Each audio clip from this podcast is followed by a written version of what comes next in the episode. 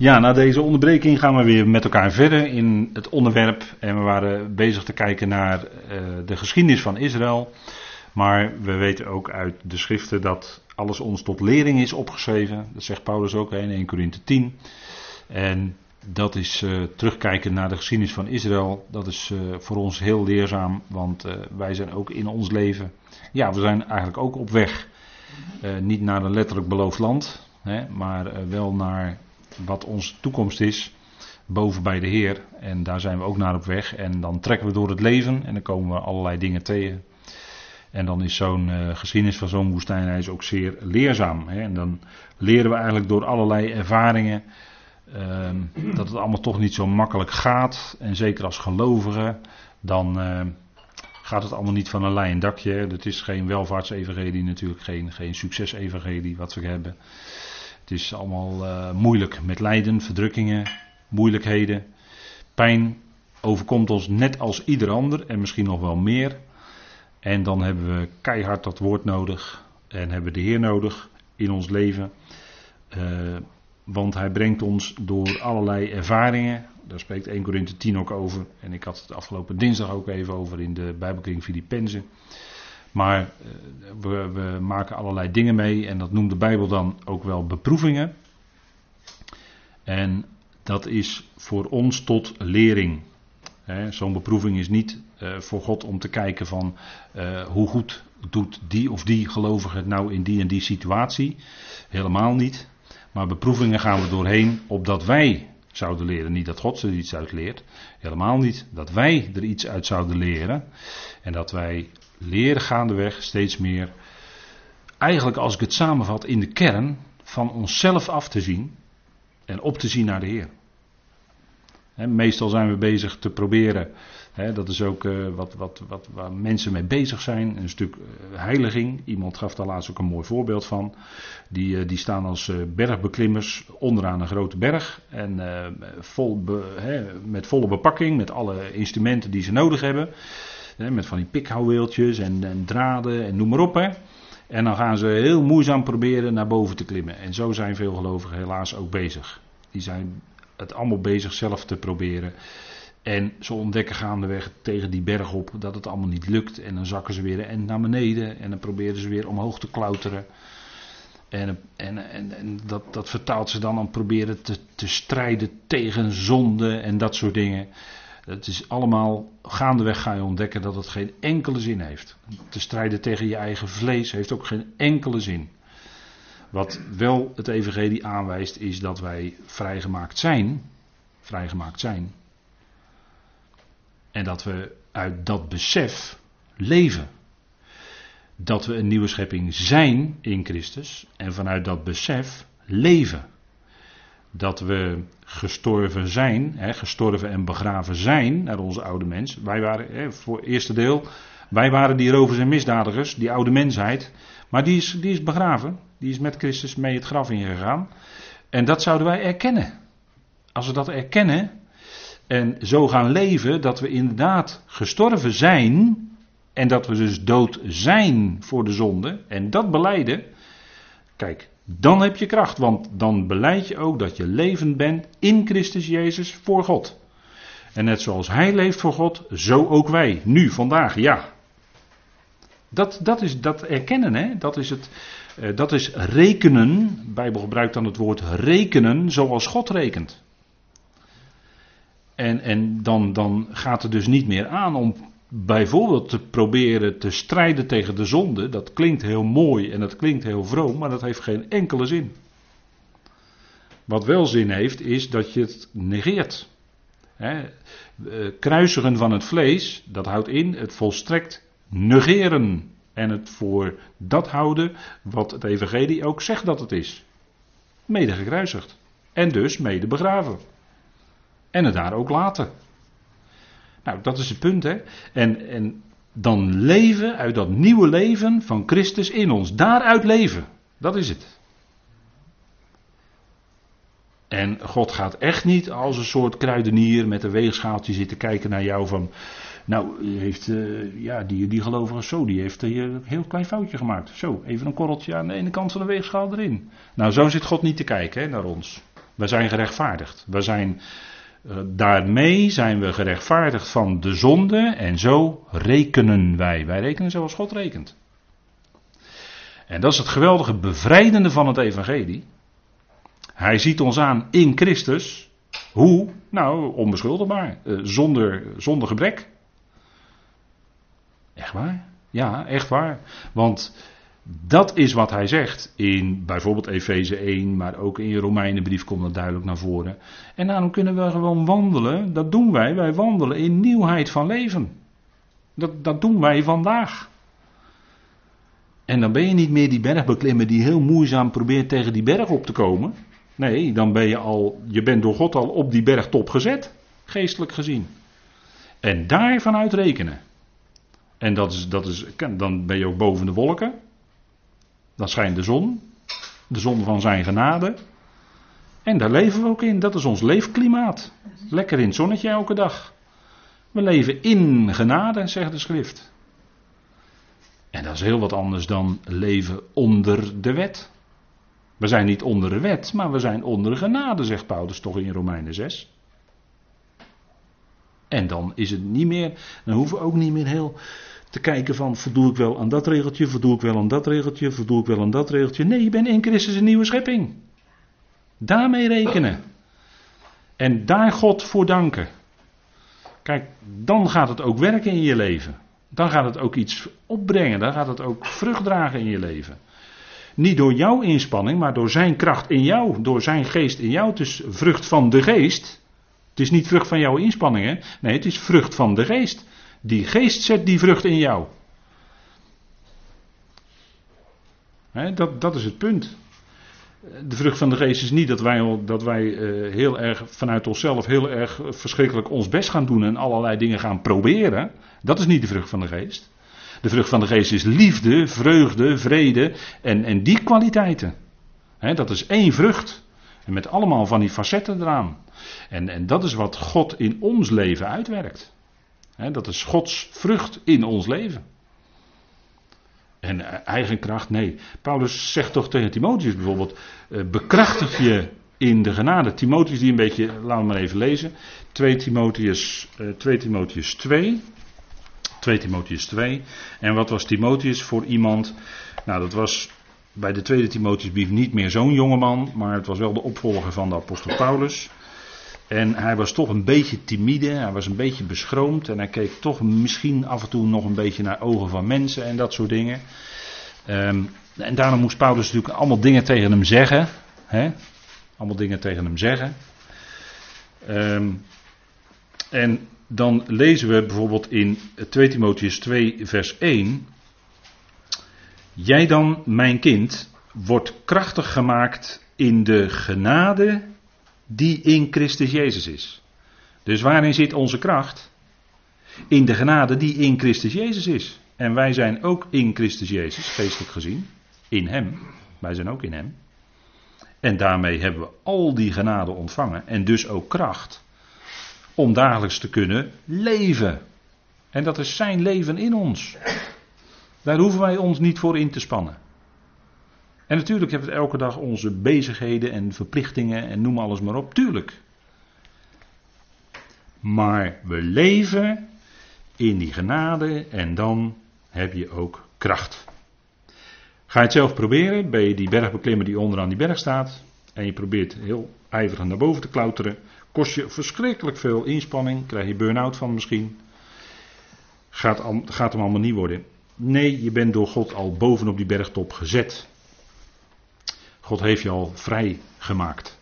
En zo ben je niet te veroordelen, want je bent in Christus Jezus. Er is geen veroordeling voor hen die in Christus Jezus zijn. Alsjeblieft.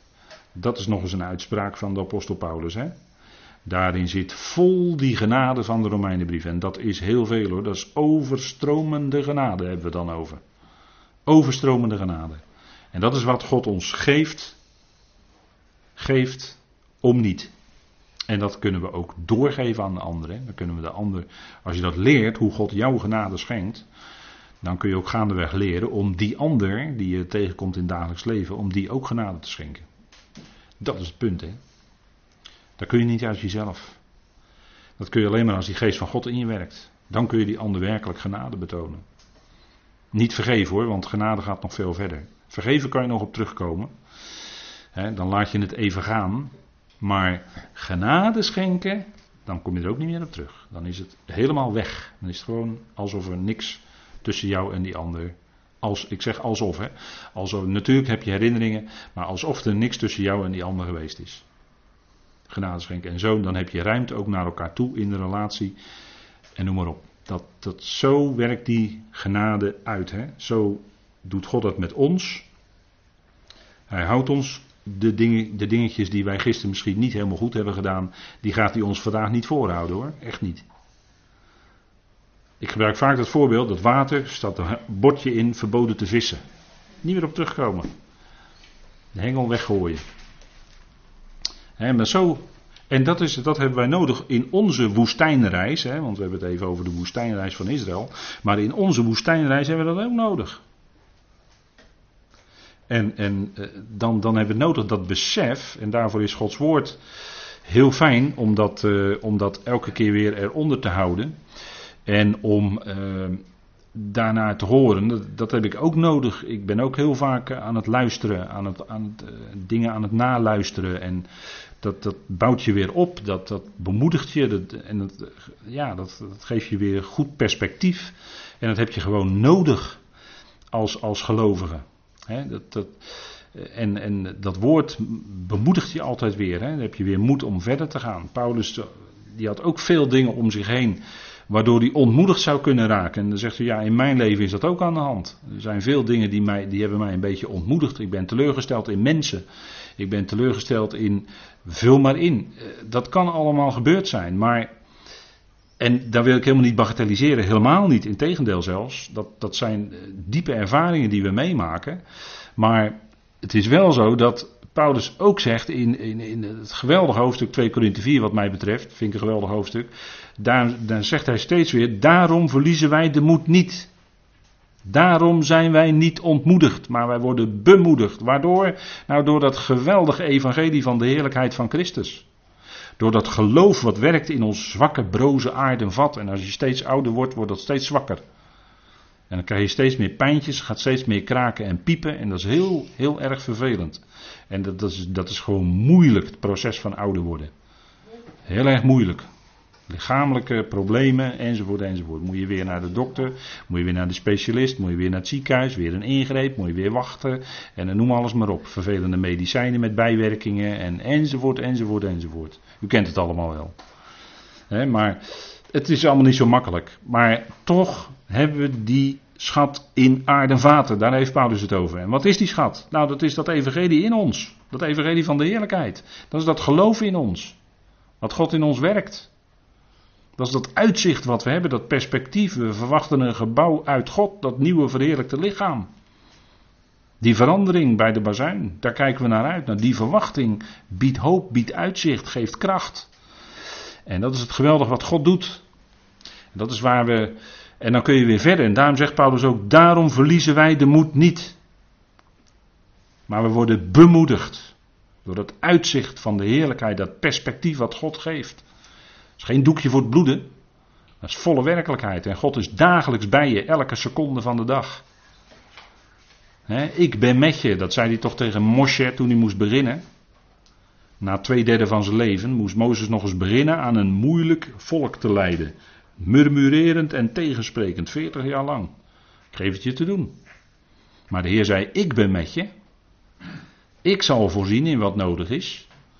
En zo was het ook. Hij voorzag ook in. We hebben het gelezen in Deuteronomium. Hij had ook voorzien. En zo geeft hij ons ook dagelijks het manna van zijn woord. Wat ons bemoedigt, wat, wat, waardoor we gesterkt worden. En noem alles maar op, waardoor we weer verder kunnen. En soms is het gewoon per dag verder kunnen, ja. Misschien soms per uur, dat kan ook nog. Het kan heel erg moeilijk zijn hoor. De druk kan heel groot zijn. Het lijden kan intens zijn en diep. En dan is het toch die God die je nooit begeeft en nooit verlaat. Nou, dat is geweldig, hè? Die God, nou, die, eh, die mogen we kennen. Dat is, dat is fantastisch. Nou goed, we gaan terug naar Genesis. de woestijnreis, maar we hadden gekeken inmiddels al naar het, uh, dat gaan we nu verlaten, naar Abraham. En ik wilde nu even met u kijken naar Isaac, de volgende aartsvader. Omdat die toch ook wel een uh, rol speelt in dat plan van God. Die aartsvaders, hè, dat is, beslaat toch een groot deel van het boek Genesis. En Isaac is degene die, dat zegt zijn naam ook, hè, hij die doet lachen. Of je zult lachen, hè, Yitzchak. En Isaac had natuurlijk wel een enorme ervaring op de berg Moria. Toen hij door, uh, door Abraham bijna, bijna, hè, de boodschapper uit de hemel riep Abraham twee keer. En toen hoefde hij het mes niet in Isaac. En dat was ook de bedoeling. Hè. Maar hij was in feite, dat was in feite opstanding uit de doden, hè, zegt Hebreeën. was in feite opstanding uit de doden. En, en bij wijze van spreken, zegt Hebreeën, dan heeft Abraham ook daaruit teruggekregen. Maar Abraham had natuurlijk van tevoren daarover gedacht. Ja, en in zijn hart had hij toch dat. Want hij moest dat doen. Hij dacht dat hij dat echt moest doen. En hij hief het mes. Daadwerkelijk staat er echt hoor. Hij hief dat mes. Maar hij hoeft het niet te doen. Daar had hij niet op gerekend. En zo had hij toch, hij had bij wijze van spreken zijn zoon al geofferd, maar hij overwoog wel daarbij dat God bij machten was zijn zoon weer uit de doden terug te geven. Dat heeft Abraham wel overwogen. Dat was het geloof van Abraham. Die geloofde in de opstanding. Dat is wat. En dat is, eh, dat is wat Abrahams leven ook kenmerkt. Hè? Dat, dat, dat in, in een doodse situatie als het ware weer opstanding krijgen. Nieuw leven.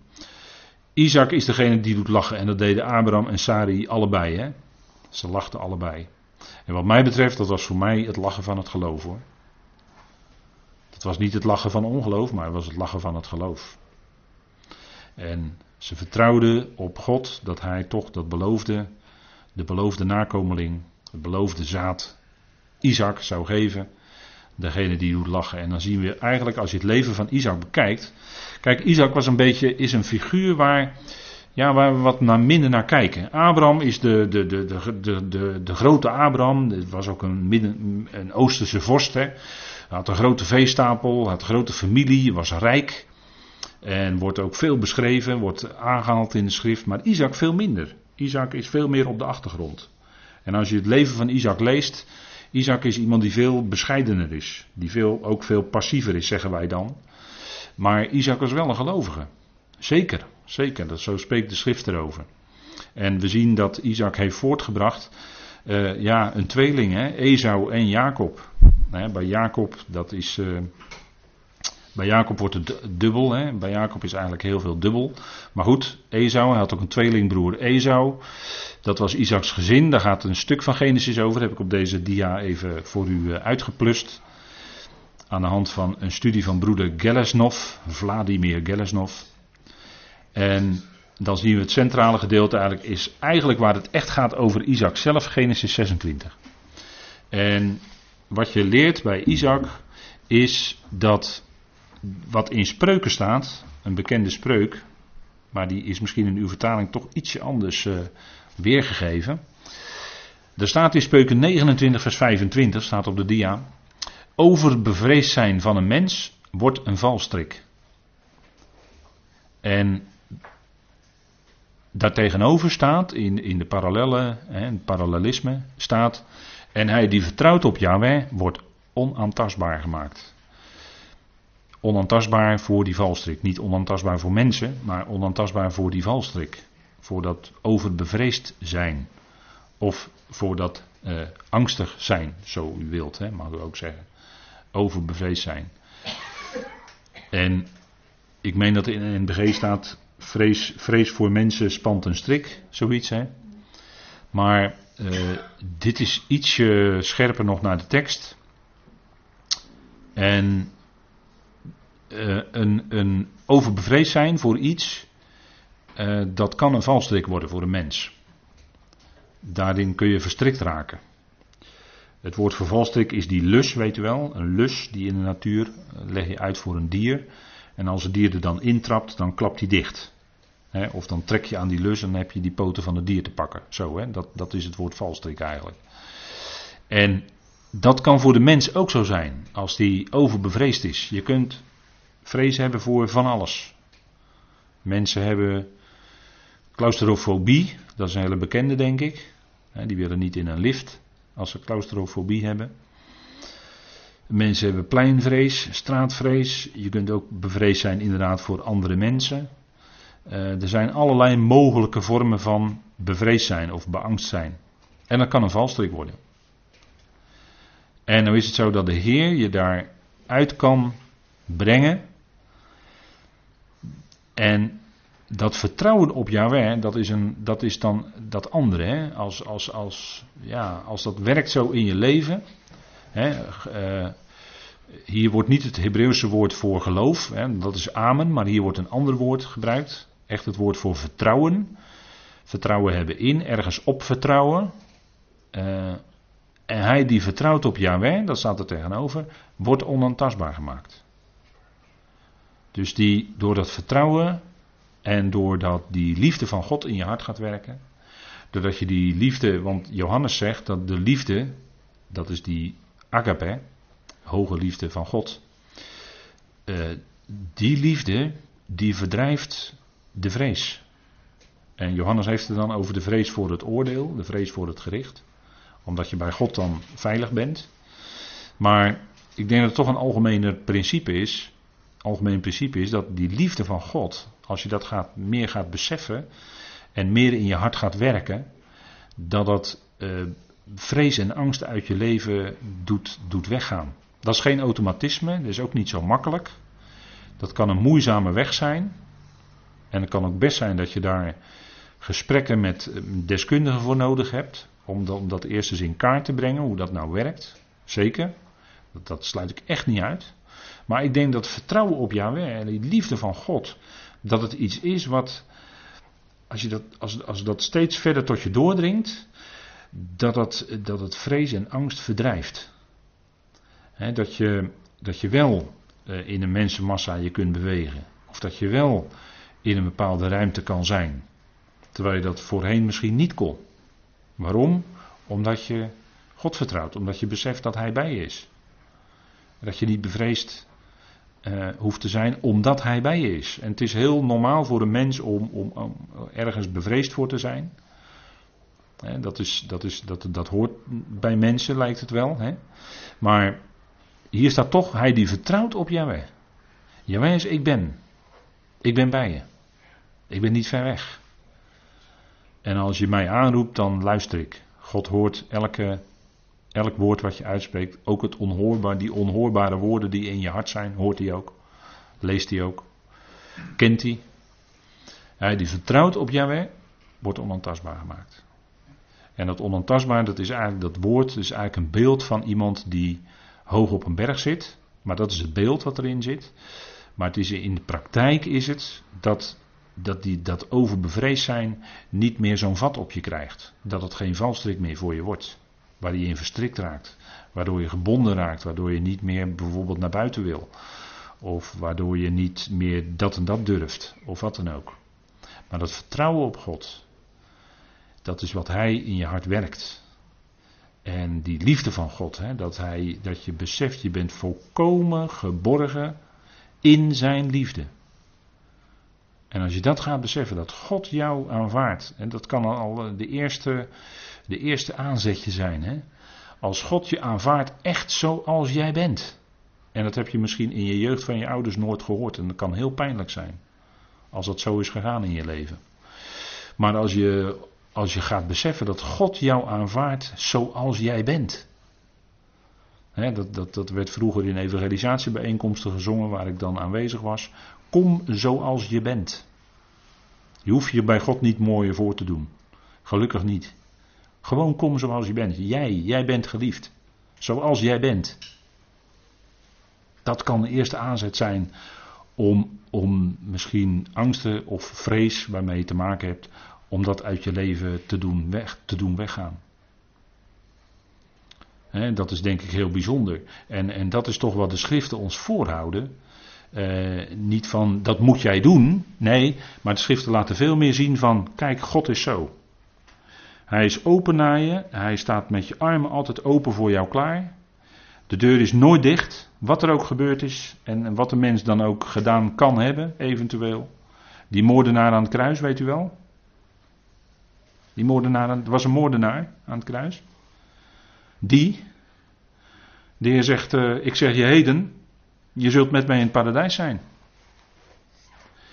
Dus dat is geen beletsel voor God. God heeft ieder mens lief. Gewoon zoals je bent. Helemaal. Helemaal van top tot tenen, alles. Hij heeft je lief. Wat is er mooier dan dat? En, en dat geldt voor iedereen. En, en van daaruit, hè, als je dat beseft, kijk, zo is God. Maar mensen worden vaak grootgebracht met een totaal verkeerd beeld van God. Maar God is liefde, dat is zijn wezen. En van daaruit is hij genadig, van daaruit is hij rechtvaardig, van daaruit, maar is altijd de kern, zijn hart is liefde. En dat klopt voor iedereen. en eh, kijk, Psalm 118 is denk ik best fijn, want men zegt dat is het middelste vers van de Bijbel. Dat is dan de Bijbel die wij zo kennen, zoals de, de volgorde die wij hebben. Psalm 118 is denk ik misschien wel fijn om daar even bij te nemen. Psalm 118, want de schrift zelf spreekt, hè. Psalm 118. En die psalmist kende die ervaring natuurlijk ook, hè. Psalm 118 begin ik even te lezen in vers 5. Uit de benauwdheid heb ik tot de Heer geroepen. En wie kent dat niet? Ieder mens kent dat. U kent dat, u heeft dat gekend en kent dat, ik ken dat, heb dat gekend. Uit benauwdheid heb ik tot de Heer geroepen. En dan is het geweldige, de Heer heeft mij verhoord en in de ruimte gezet. Weet u wel, Rehobot. En dat komt ook bij Isaac weer terug, dat Rehobot. Hij heeft mij in de ruimte gezet. Er is ruimte gekomen. Ik word niet meer zo beklemd door dat bevreesd zijn. Vers 6 zegt dat ook, hè? De Heere is bij mij, ik ben niet bevreesd. Wat kan een mens mij doen? De Heer is bij mij, te midden van wie mij helpen. Daarom zie ik neer op wie mij haten. En dan komt het, het middelste vers waarschijnlijk van de hele Bijbel, zegt men: Het is beter tot de Heer toevlucht te nemen dan op de mensen te vertrouwen. En, en, en dat is natuurlijk wat altijd bovenaan staat. Hè? En natuurlijk zijn er best wel mensen te vertrouwen, maar je vertrouwen kan enorm beschadigd zijn door mensen. En daarin kun je het vertrouwen in mensen verliezen. En daarom staat dit, dit bovenaan: het is beter tot de Heer de toevlucht te nemen, tot Yahweh, dan op mensen te vertrouwen. Dan het volgende vers weer hetzelfde: hè? het is beter tot de Heer toevlucht te nemen dan op edelen te vertrouwen. Nou, dat is, uh, dat is geweldig, hè? Dat is geweldig. En, en uh, vrees voor mensen, ja, je kunt ook slaaf worden van mensen. Zegt Paulus, word geen slaaf van mensen. Hè? Steeds maar mensen naar de ogen zien. Doe ik het wel voor die goed? Doe ik het wel voor die goed? Doe ik het wel voor die goed? En on, ongemerkt kun je slaaf van mensen worden. maar het gaat er allereerst om dat je weet dat je door de Heer geliefd bent. Dat Hij van je houdt. En dat je, dat je niet voor Hem verschrikkelijk je best hoeft te doen. Want Hij kent je door en door. En Hij heeft je lief. Hoe dan ook. Hij heeft je lief. En Hij betoont je elke dag genade. Nou, dat is wat Paulus zegt hè, in 1 Korinthe 7. Word geen slaaf van mensen. Pas daarvoor op. Want voor je het weet, dan ben je alleen maar bezig allerlei mensen eh, te, te behagen. En, en eh, uit, uit allemaal goede bedoelingen, daar gaat het verder niet om. Maar word er geen slaaf van. En, en Paulus sprak ook niet om mensen te behagen. als hij dat zou doen, ja, dan zou hij zijn boodschap steeds aan moeten passen. Maar dat deed hij niet. Hij verkondigde gewoon wat hij moest verkondigen. En dat deed hij echt niet om mensen te behagen hoor. Allereerst zijn Heer, God behagen. In wat hij sprak. Moest Gods woord spreken. En dat deed hij ook. Hè, dat evangelie. En hij deed geen water bij de wijn. Hij ging niet de genade met iets anders mixen. Het was zuivere genade wat hij verkondigde. En dat bleef hij doen tot het einde aan toe. En dat maakte hem uiteindelijk tot een eenzaam mens. Er waren nog maar weinigen bij hem op het laatst. Ja, dat heb je. Als je bij de genade blijft, dan op den duur kom je toch wat meer alleen te staan. Dat is geen populaire boodschap. Geen populaire boodschap, genade. Dat het, eh, dat het alleen genade is. Dat is niet naar de mens. De mens wil er zo graag wat voor doen. Zo graag iets terug doen. Koehandel. Maar genade sluit dat uit, hè? Geen behagen. Dat deed Paulus ook niet. Maar dat is geweldig, hè? dit zijn denk ik uh, toch wel notities. En dat speelt ook bij het leven van, waarom vertel ik dat? Omdat het ook in het leven van Isaac speelde. Want Isaac die ging eerst wonen en daar zit wel een verband in. Genesis 25 vers 11 uh, met Genesis 26 vers 1. Dan, dan, springen we natuurlijk een stukje in de tekst. Maar uh, eerst wordt er gezegd van Isaac. Het gebeurde na de dood van Abraham dat God Isaac zijn zoon zegende. Dat punt hè. Ook Isaac, hij was de zoon van Abraham tenslotte. Hij was de drager van het eerstgeboorterecht en dus ook van de zegen. Dat God Isaac zijn zoon zegende en Isaac ging wonen bij de put Lagai Roi. En daar moet je nooit aan voorbij gaan aan zo'n opmerking. Dat is niet zomaar een loze opmerking, maar dat heeft natuurlijk iets te zeggen. Want in de geschiedenis van Isaac gaat het steeds over waterputten, over bronnen. En die worden dan weer dichtgegooid en die worden dan weer opengemaakt. En er wordt steeds ruzie over gemaakt, weet u wel. Moet u maar eens nalezen. In uh, die hoofdstukken van Genesis, dat gebeurde al bij Abraham. Hè? Er werd ook al een put gemaakt en die werd later door de Filistijnen weer dichtgegooid. Maar Isaac ging wonen bij de put Lagairoi. En dat betekent zoiets als uh, de levende ziet mij. Want die put die wordt voor het eerst genoemd, dat is wel, dat is wel aardig om op te merken hierbij, bij uh, Hagar. Weet u wel, Hagar, die uh, met Ismaël uh, verdreven werd uit de tent van Sarai. En ehm, toen kwamen ze in de, in de woestijn. En toen kwamen ze bij een waterput gelukkig, want ja, in de wildernis, in de woestijn heb je water nodig natuurlijk. Hè. Dat is natuurlijk een beeld, dat is ook een prachtig beeld van iets. Maar die, daar, daar wordt dan van gezegd, en dan komen ze bij die waterput, en dat is Lachairoi. Dat is de, dat is de historische achtergrond. Dat komt voor het eerst voor in Genesis 16. En daar zegt Hagar dan ook, de levende ziet mij. Dus de levende God ziet mij, want zij werd bezocht door een boodschapper daar. En er werd gezegd dat ook Ismaël gezegend zou worden, en dat bleek later ook. Lachairoi, de, de levende ziet mij en hij voorziet. Zit daar dan in. Dat roi, dat heeft te maken met voorzien. dat, is, uh, komt ook voor bijvoorbeeld uh, in Psalm 23. Hè. De Heer is mijn herder. Dan staat er eigenlijk uh, Yahweh roi. Dan staat het hetzelfde.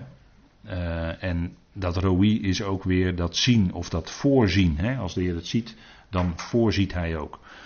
En het punt is, Isaac was gezegend. Hij woonde bij die put, een waterbron. Want een bron belooft water. En dat is een teken van de beloften. Isaac leefde op de belofte van God. Hij geloofde de belofte van God. Want een belofte, ja, dat is hetzelfde. Er is iets beloofd. Een put belooft water.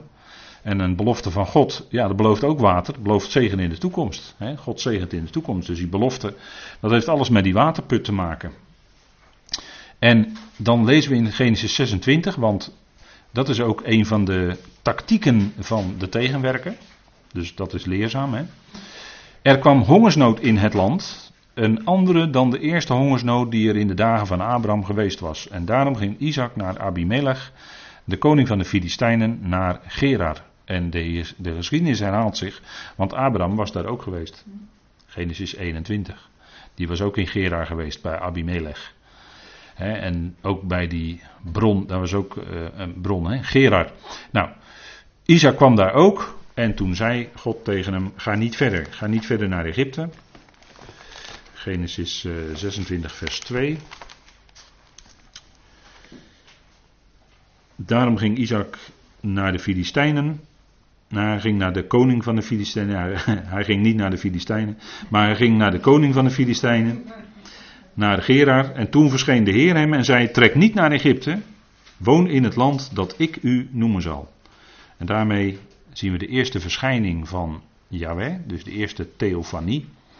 En de Heer zegt dan tegen hem dat hij daar moet blijven. En dan is hij in Gerar. En dan zit hij eigenlijk tussen het beloofde land en Egypte in.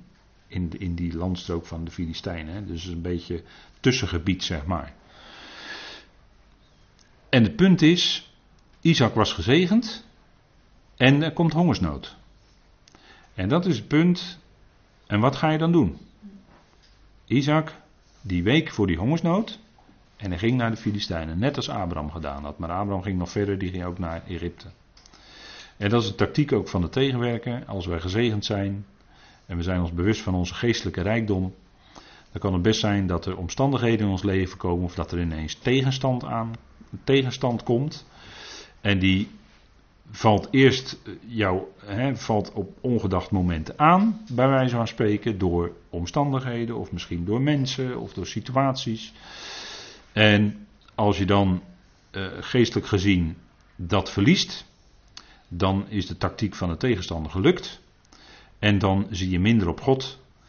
En wat gaat de tegenstander daarvoor in de plaats geven? Dan gaat hij jouw materiële rijkdom of gaat hij jou voorzien in andere dingen.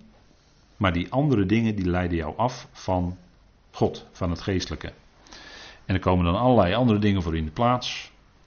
Um, ja, dat zou, zou, je kunnen zeggen. Ja, je, je, er komen ineens andere dingen tussen. En waardoor je niet meer. Uh, ja, dat, dat woord blijft dan dicht. Dat doe je niet meer open, je gaat niet meer luisteren. Of je kunt geen studies meer bezoeken. Of uh, ik noem maar een paar dwarsstraten. Omdat er ineens andere dingen voor in de plaats komen. En dan ben je geestelijk aan het. Hè, in geestelijk opzicht wat aan het verminderen. Misschien bijna ongemerkt. Maar een tegenstander heeft daar hele subtiele tactiekjes voor. En wat uiteindelijk dan gebeurt is dat hij wil je richten op jezelf. En dan ga je heel erg bezig met jezelf, op welke manier dan ook.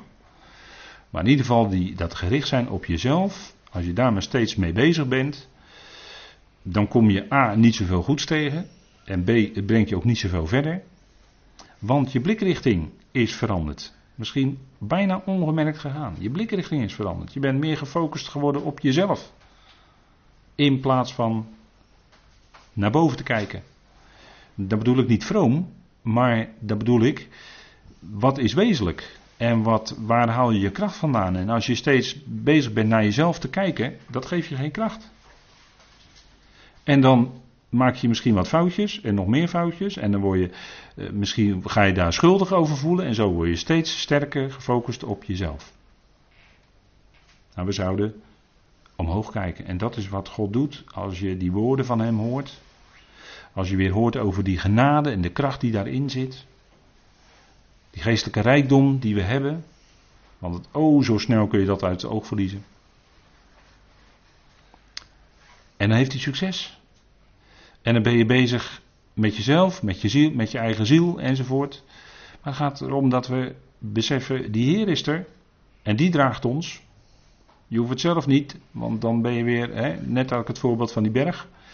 Nou, dat, hè, dat soort dingen dan, kom je dan in terecht.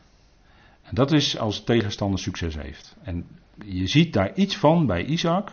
Hij wijkt van de plek waar God hem beloofd had. Dit is het land waar je in zou wonen. Hier zegen ik je. En als er dan hongersnood is, ja, dan zijn de omstandigheden ineens moeilijk, hongersnood. Maar God had belofte gegeven. En hier zie je dat Isaac even die belofte vergeet, komt even op de achtergrond en hij wijkt. Hij wijkt af. En dat is een les.